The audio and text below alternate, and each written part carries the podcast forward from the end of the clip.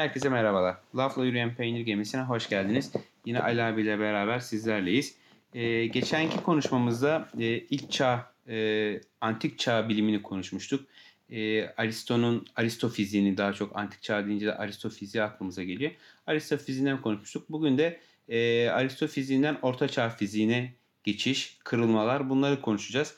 E, kaba hemen bir Aristofiziğini tekrar edersek işte Aristo evreni ikiye ayırmıştı. Ay altı evren ve ay üstü evren olarak. Ayın altında oluş, yok oluş, hareket varken ay üstünde e, oluş, yok oluşun olmadığı, hareketin olmadığı e, ve daha nurani bir evren tasavvuru olduğu bir kozmolojisi vardı. E, bunun e, tabi hem e, İslam coğrafyasına hem de e, Hristiyan özellikle de Hristiyan e, teorisinde çok ciddi bir yeri olmuştu. E, bu konuda bugün de e, bu Aristofiziğinden e, bu nasıl bir e, hem Hristiyanlık hem de İslamiyet bu teolojide e, bu kozmolojide nasıl bir teoloji ortaya atmışlar? Bunu bir değerlendirelim Ali abi. Oradan da e, daha işte Kopernik, Kepler'le daha orta çağ e, şeyine geçeriz. Fizik bilimine geçeriz. Evet şimdi Aristofiziği tabi e, Orta Çağ'da e, teolojiden konuştuğumuz zaman e, Aristo'dan mutlak surette konuşmak zorundayız. Hem İslam dünyasında hem Hristiyanlık dünyasında. E, tabi kilise Hristiyanlık teorisini e, oturtturmaya çalışırken Akinolu Thomas aracılığıyla e, Aristofiziğini e, adeta kendi doktrini olarak kabul ediyor. Hatta yani kilisenin e, resmi e, resmi ideolojisi mi diyelim, resmi kabulü Aristo'nun evren teorisine göre e, İncil'de geçen belli ayetleri, belli lafızları, işte belli manaları Aristo fiziğini referansı alarak e, anlamlandırmaya çalışıyorlar. Çünkü Aristo fiziği hakikaten e, dini şeylere çok yatkın.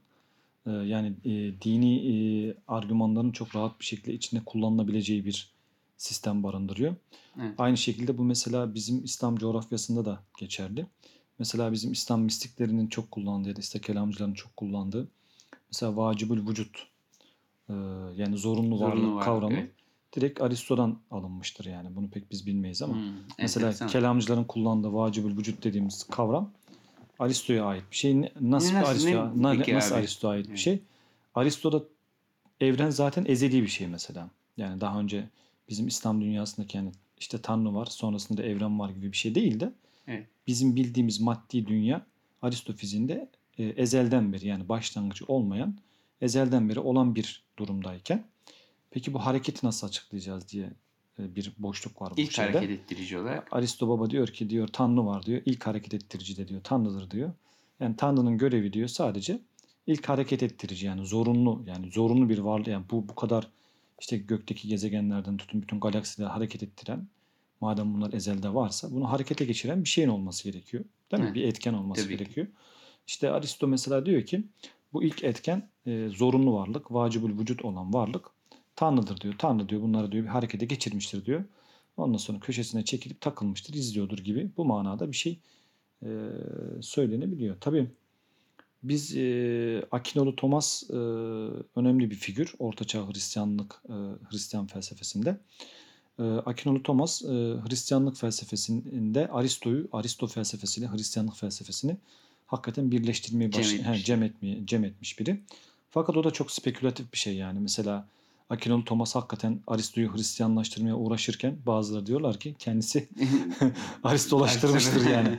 Aristolaştırmış yani Aristo Aristolulaştırmıştır gibi e, söyleyenler de var. Ki bence öyle gibi sanki. Hristiyanlık yani Orta Çağ'daki Katolik Kilisesi'nin benimsediği genel teoloji e, şeyi e, ciddi manada Aristo fiziğini içeriyor.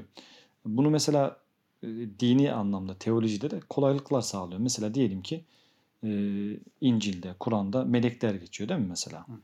Diyelim ki evet, melekler değil. geçiyor. E adam da diyor ki zaten ayın üstündeki varlıklar diyor. Nurani varlıklar. Nurani varlıklardır diyor. Yani mesela işte Tanrı geçiyor değil mi? İşte ayın üstünde zaten onun konumu. Orada diyor oluş, bozuluş, yok oluş yok diyor. İşte cennet mesela. Cennette insanlar yaşlanmayacak diyoruz mesela. Hı. Cennette ölüm olmayacak. Niye? İşte ayın üstünde zaten bunlar yok. Ayın altında farklı bir şeyler var. İşte mesela bu Aristofiziğinin... E, yani tam açıklayamadıkları her şey ayın üstüne mi atıyorlar? Ay üstü evrene mi? Yani öyle kaba taslak diyebiliriz yani ayrıntıların çok e, Yani. ben de açıkçası bilmiyorum ama e, o ayrı bir konu yani. İstersen bir günde İslam felsefesini konuşurken bunlara girebiliriz yani. Olabilir abi. Ee, ondan sonra e, velhasıl yani bana göre Aristo'nun e, Aristo fiziğinin e, yumuşak karnı burası. Nasıl burası? Yani ayın altında farklı kanunların geçerli olduğunu, ayın üstünde. ayın üstünde de farklı kanunların geçerli olduğuyla ilgili e, bir tezi var adamın. Yani bu Tüm fiziği bunun üzerine tüm fizik bu- zaten. bununla beraber. Aynı zamanda o dönemde e, mesela hareketi de güzel açıklıyor aslında Aristo mesela. Diyor ki mesela hareket işte e, bir şeyin diyor doğal e, haline bıraktığımızda diyor doğal seyrinde diyor doğal yeri nereyse diyor oraya doğru Oraya hareket eder hareket diyor. etmesi diyor. Evet. Mesela diyor yağmurun doğal yeri neredir yağmur? Su yerdedir. Yani yere doğru değil o mi? zaman Yani şimdi yağmur gitmesi. niye yağmur yukarıdan düştü damla niye atmosferin dışına gitmiyor da mesela aşağı doğru iniyor? Diyor ki ya zaten suyun doğal, Doğal yeri yeri. aşağısı. Evet. Ya da mesela taş nerede? Taşlar havada mı mesela? Yok yer. Yerde değil mi? Taşı diyor yukarıdan diyor aşağıya bırakınca diyor taş aşağıya düşüyor diyor. Niye? Çünkü taşın doğal yeri Evet. Aşağısı değil mi? Mesela ateş dumanı da öyle diyor. değil mi? Ateş yaktık duman diyor. Duman niye yukarıya çıkıyor diyor.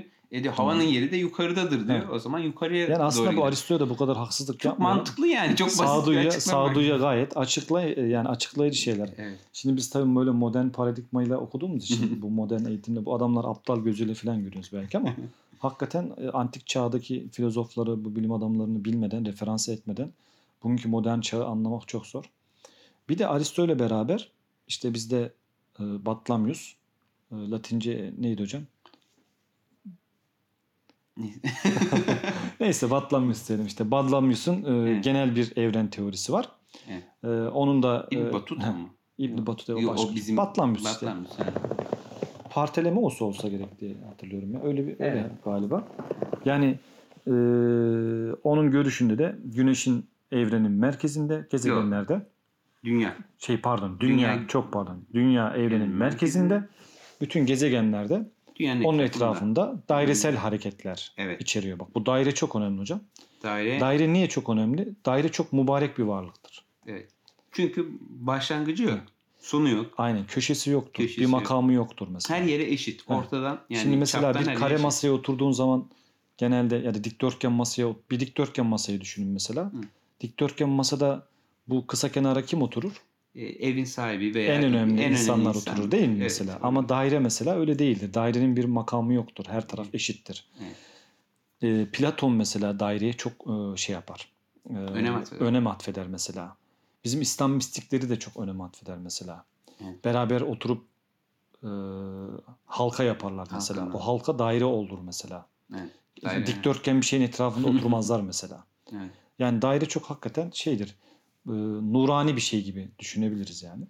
Batlamyus'un teorisinde e, dünyamız merkezde, e, etrafındaki gezegenlerde e, Dairesel hareket. dairesel hareket ediyor. Niye? Daire çünkü mükemmel bir şey. Evet. En mükemmel. Başı ve nereden başlarsan başı ve sonu birdir mesela Evet. dairenin. Bunun Aynen. gibi bir daha başı böyle, ha. sonu yok. Evet. Tabii daha sonra bunlar kilise tarafından e, sanki İncil'deki diğer ayetler gibi kilise tarafından e, kabul ediliyor, Kutsallaştırılıyor. İslam dünyası da aslında bu tip şeylerde İslam dünyasında e, işte bu felsefi eserlerin çevrilmesiyle İslam filozofları tarafından e, İslam düşüncesine sokulmaya çalışılmış. Yalan yok yani bunlar o zaman konuşulmuş. Ama işte İmam Gazali'nin mesela o dönemde ciddi bir e, felsefenin eleştirisi bunun biraz önünü kesmiş gibi yani. İslam itikadına Aristo fiziğinin işte Aristo şeyinin e, çok böyle sirayet etmeyin. Yani o düşüncenin saf kalmasına, e, İslam düşüncesinin saf kalmasına e, katkıda bulunmuşlardır diyebiliriz. Ama Hristiyanlık maalesef Aristo felsefesinin kucağına oturmuş bir anlamda. Bunu yani İslam dünyasındaki görüşle e, şeydeki e, Hristiyanlık arasındaki en büyük farklardan biri budur. Bir de enteresan bir şekilde madem şey konuşuyoruz, fizik dünya konuşuyoruz. İslam dünyasında Aristo'nun evren teorisinin yanında Demokritos'un atomculuk atomculuk nazariyesi daha yoğun işleniyor. Özellikle kelamcılar tarafından. Onun nasıl bir şey var abi? Yani mesela atomculuğu nasıl e, İslam teorisiyle birleştiriyorlar mesela? Yani şimdi mesela burada e, kelamcılar e, bizzat böyle bilim adına ya da fen adına, ilim ilimsel iler, bilimsel ilerleme adına filan bu teorilerle ilgilenmiyorlar. Tabii ki. Tamamen e, dinin din. emrettiği, dinin e, anlattığı şeyleri bunlarla biraz e, uyumlandırmaya çalışıyorlar. Klasik şeyim bu yani mantığı bu. Nasıl mesela Demokritos diyor ki evren diyor küçük atomlardan oluşuyor. Bu atomlar bölünemez, parçalanamaz diyor. Mesela işte e, Aristo'nun şeyinde e, fizik dünyasında bir zorunluluk var. Halbuki biz e, İslam dünyasında Tanrı için yani Cenab-ı Hak için zorunluluk atfedilemez. Onun iradesi kaderi mutlaktır. Külli iradesi vardır. Hı. Halbuki mesela Aristo fiziğinde neden sonuç ilişkisi var ya mesela. Evet. Bu uzun bir konu da Kısaca evet. Kısaca yani bu anlatırsak mesela apayrı diyorlar ki işte apayrı bir konu. Bunları da konuşabiliriz belki.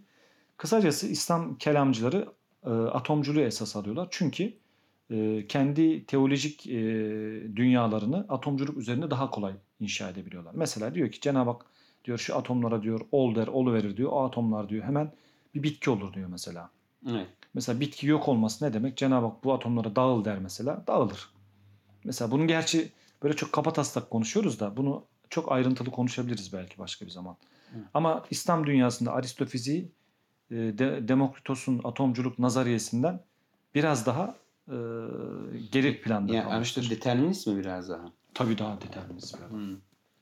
Yani etkin etki varsa. Ama şey de var yani olacak. işte bu İslam dünyası sadece e, atomculuk değil aynı zamanda Platonculuk hatta yeni Platonculuk dediğimiz sudur teorisinin kaynağı da gene eski Yunan'dan alınmadır yani. Hmm. Orta çağda yani Hristiyanlar genelde Aristocu bir evrende hemhal olurken bizimkiler Platon. e, Platoncu işte ve Demokritos. Demokritosçu daha ziyade İslam mistik şey İslam felsefecileri başta e, biraz daha sudur teorisi ağırlıklı gittiler. Kelamcılar atomcu görüşe daha ağırlık verdiler. Bunlar da mesela ayrı bir tartışma konusu. E, işte Muhittin Arabi Hazretleri mesela e, vahdet-i vücutta ciddi hakikaten e, o günkü Platonculuğu, yeni Platonculuğu çok ciddi manada kullanan yönleri var. Böyle karışık derken Neyse, gün- şeye gelelim. şeye geliyoruz. Bilime Yani gelelim Bilime artık. gelelim. İşte Bilim. Kepler ne yapmış mesela? Evet. Bu işlerin Yani- olmayacağını yavaş yavaş ortaya çıkaran adamlardan birisi. Evet. Kopernik, Kopernik daha önce. biraz daha önce biraz Daha önce. giriyor. Ama tabii Buyurun hocam şu, siz şey yapalım. Tabii yani ama ilk önce şunu söylemekte fayda var abi. Şimdi bu orta yani Kepler, Kopernik bunlar bize hep e, anlatılırken işte orta çağ işte Aristo fiziğini yıktı şey. Yani sanki bu adamlar hani o, oraya da şey yapalım. Bunlar bir geçiş süreci böyle. Hop biz çıkıyoruz kardeş. Buna tamamen Yıktık karşı. Aristo'yu Yıktık şey. yani ben şunu buldum yıktı gitti. Böyle bir durum yok. E, zaten Kopernik'in e, aslında e, Aristo fiziğinden bir kopuşu yok. Hemen hemen Aristo fiziğin e, modelini aynı kullanıyor. E, matematiksel e, verileri aynı kullanıyor. Aristo fiziğin tamamen devamı. Sadece getir, getirdiği bir yenilik var ki diyor ki yani evrendeki tüm şeyi dünyanın etrafında döndürmektense dünyayı e, işte güneş merkezi alarak döndürmenin daha kolay olacağını e, öne sürüyor. Buradaki yaptığı çalışmalarla böyle daha pratik olacağını bahsediyor. E, Kopernik'in getirdiği aslında temel şey bu bize. Hani sanki kom, yani bir de o skolastik düşünce deniliyor ya ona da bir ayrı bir önem atfediyor. Kopernik bir anda aydınlanmış Kopernik, Kepler, Galilei bir anda aydınlanmış. Bu skolastik düşüncenin lanet olsun biz bunu yıktık. Artık daha rasyonalist bir düşüncemiz var. O eski dünyayı, dini çöpe atıyoruz gibi bir hava Yani algısı var. Bunlar çok dindar insanlar. Yani Galilei şey adam zaten yani Tabii, kad- tabii. yani papaz mı bilmiyorum ama Yani çok e, iyi Hristiyan yani. iyi Hristiyanlar şey mezarı hala şeyde bir Mesela ki- Galile'nin mesela mezarı. burada hani yeri gelmişken söyleyelim. Galile'nin aslında e, kiliseyle en büyük yaşadığı problem Aristo fiziğini yani Aristo'nun görüşlerini kilisenin resmi bir e, doğma olarak kabul etmesinden dolayı Yoksa rahatsız. Hristiyanlıkla bir Yani alakası Hristiyanlıkla adamın bir problemi yok yani. Hem e, tabi bu daha sonra kilisenin otoritesini iyice sarsıcı bir konuma gelecek yani. İşte e, Kopernik'ten alırsak bir şey, e, Kopernik bu şekilde işte e, güneşi merkeze koymamızın daha kolay olacağını söylüyor. E, aslında burada bir de Tycho telaffuzu tam şey mi? Tycho Brahe var. Evet, aslında. Brahe. de çok önemli. Aslında bu çok göz önünde bulundurulmuyor. Hep herkesin kaçırdığı bir şey ama bu adam da enteresan bir adam. E, gözlemciliği çok. Yani hemen hemen her akşam gökyüzünü e, gözlemliyor. Küçük yaştan beri Evet. çok ciddi verilere sahip bir adam bu. Onun da enteresan bir hayat hikayesi var. Küçük bir Şey, Bu Kepler'in aynı zamanda Kepler'le bunun ilişiği var mıydı hocam? Kepler'le bilmiyorum direkt Ben abi. Kepler'in patronu diye okumuştum diye hatırlıyorum ama. Olabilir. Yanlış kendisi, olabilir. Kendisi nüfuslu bir adam yani Evet. soylu bir adam aslında da. Bu adam mesela fotoğraflarına falan bakarsan burnu şey abi. Kralla kavga etmiş herhalde diye. Yani. Yo ben öyle duymadım ama bilmiyorum. Ee, burnu böyle takma bir burun var aslında. Bu bar kav- kavgası yapmış. Yolda giderken işte biri omuz atıyor 18 yaşlarında falan. Sen misin omuz atan? İşte pat aynı bizim şeyler gibi. Düelloya çağırıyor adamı. Tabii düelloda adam bunu burnundan vuruyor. Bu da adamı vuruyor, öldürüyor ayrı bir şey de. Burnu kopuyor. Oraya e, metalden şeyden ayrı bir yapay burun takıyorlar. Öyle yaşıyor yani öyle bir adam. Hmm, 18 enteresan. yaşından beri. Bir de mesela ölümü de enteresan. Hani bu adamların e, akşam yemekleri falan uzun sürüyor ya mesela 4 saat 3 saat sürüyor ya. Onlara tabii e, görgü adap olarak da ev sahibi sofradan kalkmadan kalkılmıyor. Bu adam da işte sofra tuvalete geliyor. Brahe kalkamıyor. E, görgüsüzlük olmasın diye işte idrar kesesi patlayıp öyle zehirlenip ölüyor. Vay anasını ya. Ya Enteresan. idrar yolu enfeksiyon diyor ama bilmiyorum ama diğeri daha mantıklı gibi geliyor. Böyle ci- ci- değişik, Değişik bir adam değişik cins bir adam. Aynen bu adam da işte bu e, bu adam da e, şey yapıyor dediğim gibi her gün e, gökyüzünü gözlemleyince e, gökyüzünde daha önce fark etmediği bir yıldız görüyor. E, bu yıldız iki buçuk ay falan gözlemlerinde de ama iki buçuk ay sonra ortadan kayboluyor. E, bu sefer e, birkaç arkadaşına da mektup yazıyor. Size bu yıldızı gözlemledin. Evet. Sonra kayboldu. Diyor ki e, bu aslında süpernovaymış yani. Süpernovalar Hmm, e, bazen evet. e, en son dünyadan çıplak gözle 1987 yılında görmüş. Ondan önce 1700 yıllara belki bu bunun gördüğü şey olabilir. Daha sonra binli yıllara 300-400 yılda bir denk gelebiliyor böyle çıplak gözle süpernova patlaması görmek. Evet. Ee, işte bunu görünce e, arkadaşları da bunu teyit edince evet biz de gördük sonra kayboldu deyince diyor ki o zaman e, e diyor o zaman gökyüzünde bir oluş ve yok oluş var. Bu ne? Ya tabii süpernova olduğunu bilmiyor da bir burada bir de o günleri bir kuyruklu yıldız görüyor. Bu kuyruklu yıldızı işte yaptığı matematiksel hesaplamalarla e, ay üstü alemden gelmesi yani o çünkü o eğimin hesaplanıyor. Ay altında alemde değil ay üstü alemden gelmesi gerekiyor. E, hani biz ay üstü alemde bir hareket de yoktu. Her de sabit de diyorduk. Bu kuyruklu da oradaki hesaplarıyla kanıtlayınca o zaman ay üstü evrende oluş yok oluşu da ortaya çıkartıyor. E, böylelikle e, işte o e, birçok paradigmaya ciddi bir dinamit atıyor. E, Evet. bunun dışında Kepler ise e, Kepler'de e, dünya dışındaki görüngelerin dairesel değil de yaptığı hareket eliptik olduğunu görüyor. Evet. E bu bu şekil bunlar olunca işte gökyüzü yani daha önceki aristofiziği büyük oranda çatırdamaya başlıyor. En sonunda da e, Newton baba e, kütle çekimini e, falan bulunca artık yeni bir e, ondan sonra yeni bir şey başlıyor. Bilim çağı başlıyor. Tabi bu arada yani Newton da onu bulurken tabi tepesine bir elma düşmüyor yani. O da sonradan uydurulmuş Evet, bir şey de popüler bir şey. popüler bir şey. Ha, yani şu da var tabii yani bir de böyle bir anlayış var. Yani sanki daha önce Newton'dan önce kimse akıl edemedi şeyi yer çekimi olduğunu. Yani herkes taş atınca havada uçuyor zannediyor herhalde. Yok öyle bir şey değil. Daha önceden herkes de biliyor işte yer çekimi yani daha önce de İslam alimlerinden de şeyler var. Yer çekiminden bahseden. E, El Minel neydi bir kitap vardı da hatırlıyorum mesela o Arap e, bir Müslüman şey. Yer çekiminden bahsediyor ama e, Newton bunu formülize ediyor. Yani formülize ilk formülize eden adam diyebiliriz. Yani ondan önce de yer çekiminin olduğu maddelerin birbirini çekebileceğinden bahsediliyor zaten. Bu da böyle bir yanlış anlaşılma olmasın. Bunu da burada konuşalım. Ama zaten Ama- bilim yani bilim Ha. öyle ilerliyor. Yani Böyle şimdi tabii herkes bir şey koya koya ilerliyor. koya koya ilerliyor. Ama Principia'da, Principia'da herhalde şeyi kitabı Evet. orada e, gerçekten ciddi bir formülasyonla oturtuyor bu şeyi. Yani bu işi oturtuyor. Ee, tabii şimdi aslında Kepler e, yani Newton da tabii tek başına e, bilimsel ilerleme yani bilimsel ilerlemeler, bilimsel devrimler aslında böyle e, sabah kalkayım ben bugün bir devrim yapayım gibi olmuyor. Bıçak Ondan- ha, kestiğim gibi değil. ha, ondan önce bu aslında Thomas Kuhn'un bu paradigma dediğimiz şey var ya işte Evet. bu paradigma, bilimsel paradigmaların dönüşümü. Evet bir şeye giriyor, Ha. bir kaos bir ortamına kaos giriyor. ortamı oluşuyor yani aslında. Mesela e, ben şahsen bu işin hakkını Kepler'in alması gerektiğini düşünenlerdenim yani. Yani Kepler aslında e, şeyi işin dananın kuyruğunu Kepler kopartıyor. evet. Mesela şeyde de öyle. Modern çağda geldiğimizde elektromanyetik teoriyi aslında biz Maxwell e, Evet. Maxwell'in denklemleriyle açıklandığını söylüyoruz ya. Aslında orada bence büyük pay Faraday'da yani. Fakat Faraday'ın matematiği yok. Aynı Kepler'in de matematiği yok. Faraday iyi bir laboratuvarcı mesela. Faraday e, şey fark ediyor, buluyor. Tabii yani şimdi ama, ama, matematiğe döküyor. matematiksel yönü çok zayıf bir adam. Newton da aynı. Aynı Evet, ya. Newton İkisi birbirine birbirine çok benziyor aslında. Evet. Yani bu konuştuğumuz şeyler birbirine çok Evet. benziyor. Ee, Faraday hocası. Abi hatırlıyorsan bir konuşmamızda Maxwell'in hocasını hatırlayamamıştık. Faraday işte. İşte Faraday şimdi aklımıza geldi hatırladıysan. Yani şimdi Kepler iyi bir gözlemci. Daha doğrusu daha kendinden önceki o gözlemsel verileri e, biraz daha böyle değerli toplu bir halde sistematize eden bir adam. Fakat e, işte e, meşhur o yer çekimi dediğimiz şeyi işte Newton'un m1 çarpı m2 bölü d kare çarpı r işte oradaki kuvvet falan diyoruz ya birbirine uygulanan kuvveti hesaplanan o meşhur formül var ya. Evet. Bunu yazamamasının ya da bunu bulamamasının sebebi Kepler'in o günkü matematikte o günkü matematikte bunu ispat etmesi mümkün değildi. Yani kalkülüs dediğimiz işte küçük noktalardaki anlık değişimleri hesaplayabileceğimiz bugünkü limit, limit diferansiyel belki Hı. biz lisede e, çok sevmezdik ama türev Türev, integral dediğimiz konuları e, Kepler çok hakim değil. Hatta bunlar daha yeni icat edilmemişti. Evet. Yani kimse bilmiyordu.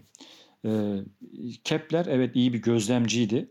E, gezegenlerin, yörüngelerin eliptik olduğunu, hatta işte onun e, işte eğer güneşi merkeze alırsak o eliptikteki e, gezegenin o eliptik yörüngede hareketinin belli noktalarda hızlanacağını, belli Belli noktalarda yavaşlayacak. yavaşlayacağını, işte o aradaki eliptik yörüngenin çaplarının aynı zamanda aynı alanı tarayacağını filan gözlemle e, Kepler Baba Ortaya e, koydu. ortaya koyuyordu. Fakat e, Matematiğe matematiğe dökmek, Dökmek. bunu çok zor yani. Evet. E, çünkü adamın elinde o günkü matematik dediğimiz şey bu neticede fi- fiziksel gözlemci. Matematiğin de ilerlemesi gerekiyor.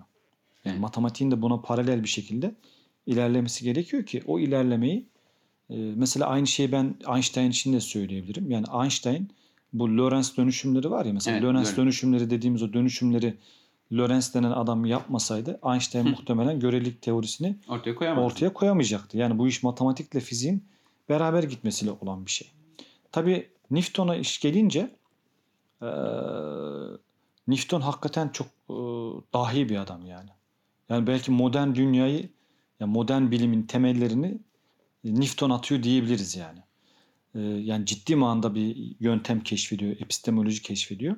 Aslında Galile'nin de hakkını yemeyelim. Galile aslında bu matematik eee, şeyine atıfta bulunan adamlardan birisi. Yani e, deney ve gözlemle elde edilen bilginin e, matematiksel bir e, işleme tabi tutulup arasında niceliksel manada bir ilişkiyi bulmaya aslında Galile de e, çok yaklaşıyor. Hatta yaklaşıyor değil inşa ediyor diyebiliriz ama o da maalesef e, Newton gibi bir matematikçi olmadığı için e, bu iş Newton'a nasip oluyor. Peki Newton ne yapıyor? E, Newton'un da Leibniz dediğimiz bizim meşhur filozof var ya onunla e, bir şeyi var. Bu kalkülüs dediğimiz işte e, lokal bölgelerdeki o değişimlere e, değişimlerin hesaplanabilmesi. Bu yani Kepler'in, Galile'nin elinde 2 artı 2 eşittir 4, işte 2'nin karesi eşittir 16 gibi şeyler varken bunların elinde işte diferansiyel denklemleri hesaplama, Hı. türevi integrali hesaplama, Çok işte bilinmeyen tabii denklemler. çok bilinmeyen gibi denklemleri Evet. e, bu adamlar keşfediyor. Newton keşfediyor. Hı hı. Hatta Leibniz de ondan önce keşfettiğini iddia ediyor filan. Ama velhasıl bu işin Bence Leibniz keşfetmiştir çünkü e, evet Newton'un biraz şeyi karışık. Evet yapısına defteri karışık. Birkaç tane adam e, bilim adamını e, kraliyet şeyinden falan göndertiyor başı Yani Newton çok hakikaten kötü bir adammış ya. evet, kişilik olarak kişilik olarak çok kötü. çok bir- kötü olduğunu söylüyorlar yani. Newton hatta büyücülükle falan da uğraşıyormuş biliyor musun? Şey tabii e, Son büyücü derler onun için. Son E, büyük ha, büyücü derler aynen yani. şeyi var bir tane mektubu var abi kıyametin kopacağı işte matematikle kıyametin kopacağı tarihi hesaplıyor.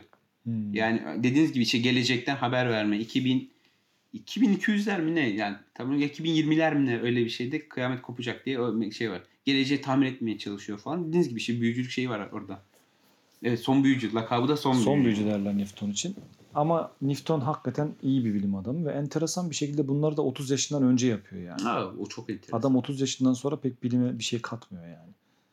Ee, Kraliyet Akademisi'ne takılıyor herhalde yani. He, on, on ona şey veriyor başkanlık falan Evet, veriyorlar. evet. Orada hatta bir tane e, bilim adamından şey istiyor yani bilgilerini istiyor. Bir kitapta onun yaptığı bir çalışmalar var. O çalışmalardan istiyor. Daha önce birkaç defa verdiğinde o çalışmalar kendininmiş gibi sunuyor Newton.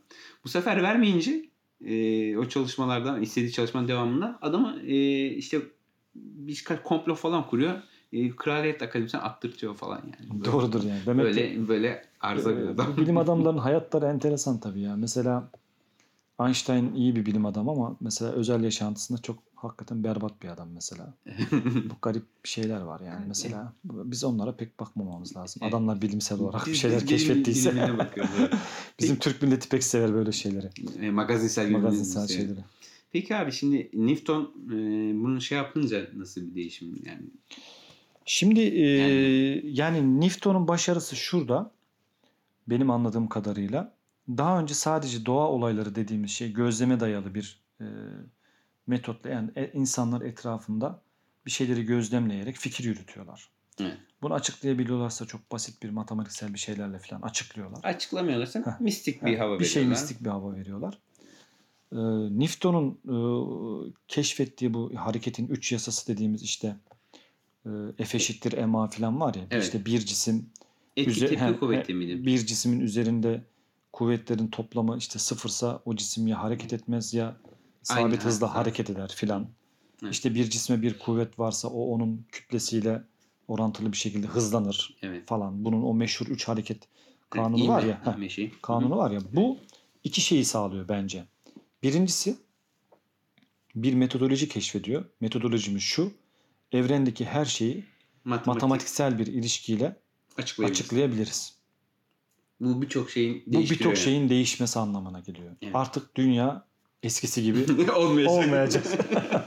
yani Newton'un bu hareket Evet. yasaları iki, yani bir metodoloji olarak yani e, metodoloji olarak bunu keşfetmesi diğer bilimlerde de korkunç bir açılımı açılıma kapı şey yapıyor. Hatta o kadar ki yani fiziksel dediğimiz şey yani fiziki olarak bunun metodolojisi e, sosyolojiye bile uygulamaya Evet. çalışanlar var yani. Tabii tabii sosyoloji ve matematiksel formülize dökmeye Heh, çalışanlar. yani mesela August Comte Comte. mesela değil mi? Aynen. He, yani mesela Durkheim falan bildiğin eski pozitivist sosyologlar yani. Şimdi Evet. mesela e, işte mesela bilimsel bir şey olursa bilim yani evrende A olayın neticesinde B B. olayı olursa e, Durkheim da diyor ki mesela ekonomik krizin olduğu zaman da intiharlar artar. Evet. Niye?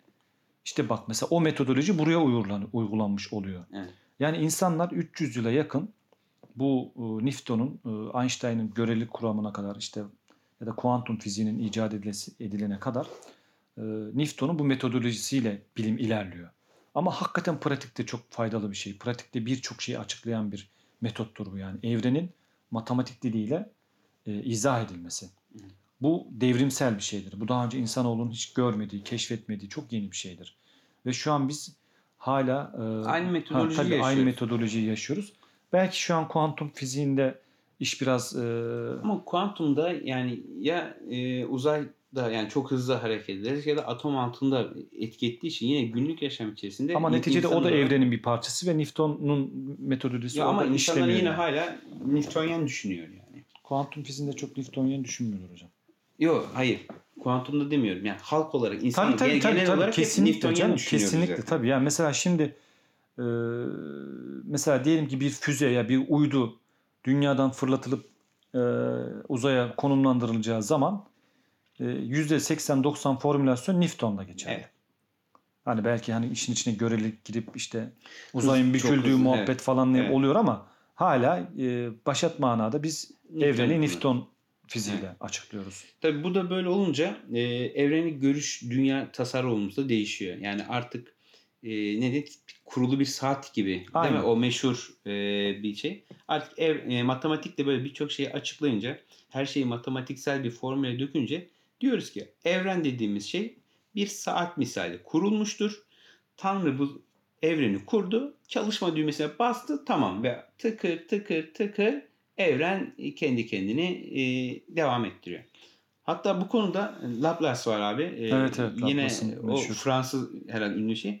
Onun Laplace Devil dedikleri bir şey var. Biz Türkçe'de Laplace'ın cini diye geçiyor. Dinleyicilerimiz falan e, şey yapabilir, araştırabilir. O da diyor ki bu yönden artık o kadar ileri bir şey çıkartıyor ki bir an içerisinde diyor yani bir anda evrendeki tüm e, parçacıkların yani atomların hangi üzerine etki ettiğini bilirsek yani öyle bir şeyimiz olsa bir cinimiz olsa evrendeki tüm atomları bilse üzerine gelen etkileri bilse bu hesaplamalarla geleceği de bilebilir. Çünkü etki tepki bu olacak bu olacak bu olacak bu olacak. böyle böyle böyle böyle gelecekte geleceği de görebiliriz ta geçmişe kadar da gidebiliriz diye böyle meşhur yani ütopik bir şey var tabii. Evet o Laplace hatta meşhur matematik Laplace dönüşümleri falan var. Evet. Ee, o mesela tabi bu evren e, evren e, görüşü daha sonra hakikaten ateizm dediğimiz şeyi e, Doğru- doğuruyor yani. Doğru. E, e, Av- Avrupa'da zaten genel itibariyle yani bir dönem en azından. Şimdi biraz işler değişti de bilim adamlarının geneli ateist oluyor yani. Tanrı'yı kabul etmiyorlar. Çünkü Evet. böyle bir evrende e, Tanrı'nın olmasına Özgür, gerek yok özgür zaten. iradeye de gerek yok yani çünkü değil mi? Bir, bir şey değiştiremeyeceğiz çünkü. Bir etkimiz varsa vereceğimiz tepki belli. Biz onun yani bir A, B A'ya etki yani A'ya B etki ediyorsa C olacaktır. Bu D olamaz yani. Aynen. Çünkü Bu matematikte tip, ya bu tip bir evren e, tasavvuru e, O zaman Tanrı'ya ne gerek var? Tabii, Tanrı tabii. burada nereye müdahale ediyor? zaten tan- Tanrı müdahale edeceği bir şey yok. Evren Evet. bu fizik kurallarına filan. e, işte mesela burada şey de var. Bu hani meşhur Aristo'nun e, dört tane etken etkeni vardı yani bir Evet. bir olayın olabilmesi için biz dört dört Evet. tane e, Madde, he, maddi işte form, form etki bir de gayesellik. gayesel neden, ereksel neden ya da işte fail neden diyoruz ya mesela. İşte burada biz e, bu fail nedene filan da bir ihtiyaç kalmıyor. Gayesellik Ereksel nedene de ereksel nedene de ihtiyaç bırakmıyoruz. Yani bir iş, e, bir harekette bir şeye bir amaç gütmüyoruz artık. E, çünkü bu olması gerektiği, gereklilik, zorunluluk atfediyoruz. Aynen. Bu amaç gidince evrenin amacı da gidiyor. Evet yani mesela şimdi işte mesela evren niye var olmuştur diye bir soru eski dönemde. Ee, işte mesela fail neden Tanrı olduğu için İsteyin. Tanrı'nın isteğiyle yaratılmıştır, oluşmuştur diye biliyorsun mesela böyle bir e, görüş varken. Newtonyen düşündüğün zaman e, Tanrı'ya gerek yok zaten. Bu evren ezelden beri bir anlamda kendi kendine işleyen bir sistem gibi. Ya da mesela diyelim ki İslam dünyasındaki görüşe göre Tanrı her an için evrene müdahale eder yani. Tabii. Kadiri mutlaktır. Devamlı her an müdahale Aynen. eder. Yani e, Başıboş kaldığı bir Aynen. saniye bile yok. yani Cenab-ı Hakk'ın kudretiyle her şey var olur, yok olur deriz. E, mesela Newtonyen düşündüğün zaman böyle bir şeye ihtiyaç yok zaten. Bu zaten her olması şey gerekiyor. Kural yani. Tıkırında kuralı. Evet. yürüyor derler yani. Tabii bu konuda Berkeley e, güzel bir geleceği görmüş değil mi? Evet evet. Sizin de benim- sevdiğiniz benim, bir... çok sevdiğim bir şey. O, E, bu- isterseniz şey yapalım abi. Bayağı da şeyimiz de oldu. Evet. E, isterseniz o Berkeley ile e, bugünkü şeyimizle e, konuşmamızı bitirelim. E, gelecekte de e, artık Newton'dan alır kuan- kuantuma geçeriz. Artık kuantumda da Newtonyen görüş çöküyor tabii. Orada da yeni Tabii, bir dünya tabii. tasavvuru başlıyor. Einstein'dan Einstein evet onu konuşacağız arkadaşlar ama son kez de Ali abinin sevdiği bir Berkeley ile e, konuşalım. şöyle- Berkeley ne demiş abi bu e, şeyde determinist Şimdi bu görüşe? insanlar çok dindar insanlar bir kere. E, iyi Hristiyanlar. Mesela Newton bile Hristiyan zaten. Yani iyi bir şey, Hristiyan. iyi bir. Hristiyan yani tabii. iyi bir Hristiyan e, şey Hristiyan demeyelim, iyi bir Hristiyan evet diyelim. tabii tabii. Galile de öyle mesela. Galile filan da. e, Hepsi evet. çok böyle e, Galile filan tabii kiliseyle filan İki kızı var Ters- rahibe oluyor yani. ters düşüyorlar belki ama e, neticede e, keşfettikleri şey e, mekanik evren görüşü dediğimiz şeyde bunlar şunu diyorlar ilk dönem. Bunlar zaten doğa filozofu olarak kendini tarif ediyorlar. Yani Newton bile doğa felsefesinin temelleri diye yazıyor kitabını Hmm, mesela. evet. Kendini Fizik olarak hala, değil de ha, şey. tabii. E, hala biz belki bugün e, bunları çok anlayamıyoruz ama o dönemde e, fizikle felsefe şu bu birbirinden kopmuş ayrılmış şeyler değil yani. Tabii. Newton'da bir de böyle yani. Bunlar tabii böyle bir e, şeyde evren tasavvurunda Tanrı'ya Tanrı'nın yeri neredir sorusuna e, Tanrı bunu gene e, kuran, dizayn eden, hareket ettiren, ilk hareketi veren konumunda şey yaptıkları zaman e, bu matematiksel formülasyonlarla mekanik bir şekilde izah ettikleri zaman Berkeley e, diyor ki uyarı haklı olarak bunun sonucunda diyor işte insanların e, Tanrı'yı reddedebileceği bir dünya görüşüne bu çok kayabilir Evet. diye uyarıda bulunuyor. Hakikaten Dediği de oluyor. dediği de Avrupa'da özellikle 18. yüzyılda şimdi işler biraz agnostizme kayıyor ama Evet. Genel artık orada da biraz çıkış- da- bazı noktaları çıkamıyorlar. Heh. Yine yani genel olarak için. Avrupa'daki okuduğumuz felsefeciler bilim adamları, o meşhur sevdiğimiz adamlar özellikle Fransızlar mesela. O Hakikaten en en, iyi, şeyleri en, en, en iyi ateistler falan. Yani Fransızlar. Fransızlar e, Fransa'dan çıkıyor. Tabii bunların kiliseyle de bir mücadeleleri var. tabii öyle bir o iktidar ayrı bir- mücadelelerinden dolayı da oluyor. Ya iktidar mücadelesi de oluyor. Ama bunun teorik altyapısı da bu Newtonian görüş bunu destekliyor biraz yani. Evet.